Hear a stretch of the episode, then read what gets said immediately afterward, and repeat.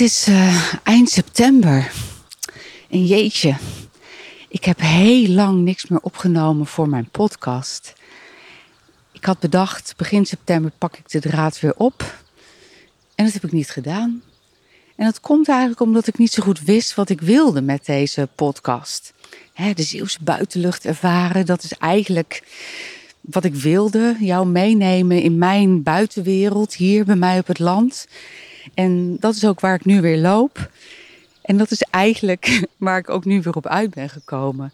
Ik had het eerst het idee, ik moet iets verdiepends, iets meer verbindends, iets meer.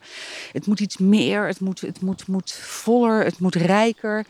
En tegelijkertijd, nu ik hier zo rondloop, denk ik, maar dit, dit is het. Dit is hoe vol en hoe rijk het is. En daar hoef je eigenlijk heel weinig aan toe te voegen. Behalve dan mijn stemgeluid om jullie mee te nemen, een klein beetje mee te nemen deze wereld in. Want god, wat is het toch prachtig als ik om me heen kijk. Het uh, hele lange gras is inmiddels allemaal omgevallen en bedekte bodem. Dus ik loop op een soort kussentje. Um, er staat van alles nog op te komen. Vooral heel veel malva, kaasjeskruid. Prachtige paarse bloemen. Um, de zon schijnt. Een strak blauwe lucht. En uh, het waait een beetje. Ik hoor de wind ruisen door de bomen. Ik vind het altijd prachtig hoe de, die kleine, dunne wilgenblaadjes, um, hoe die klinken in de wind.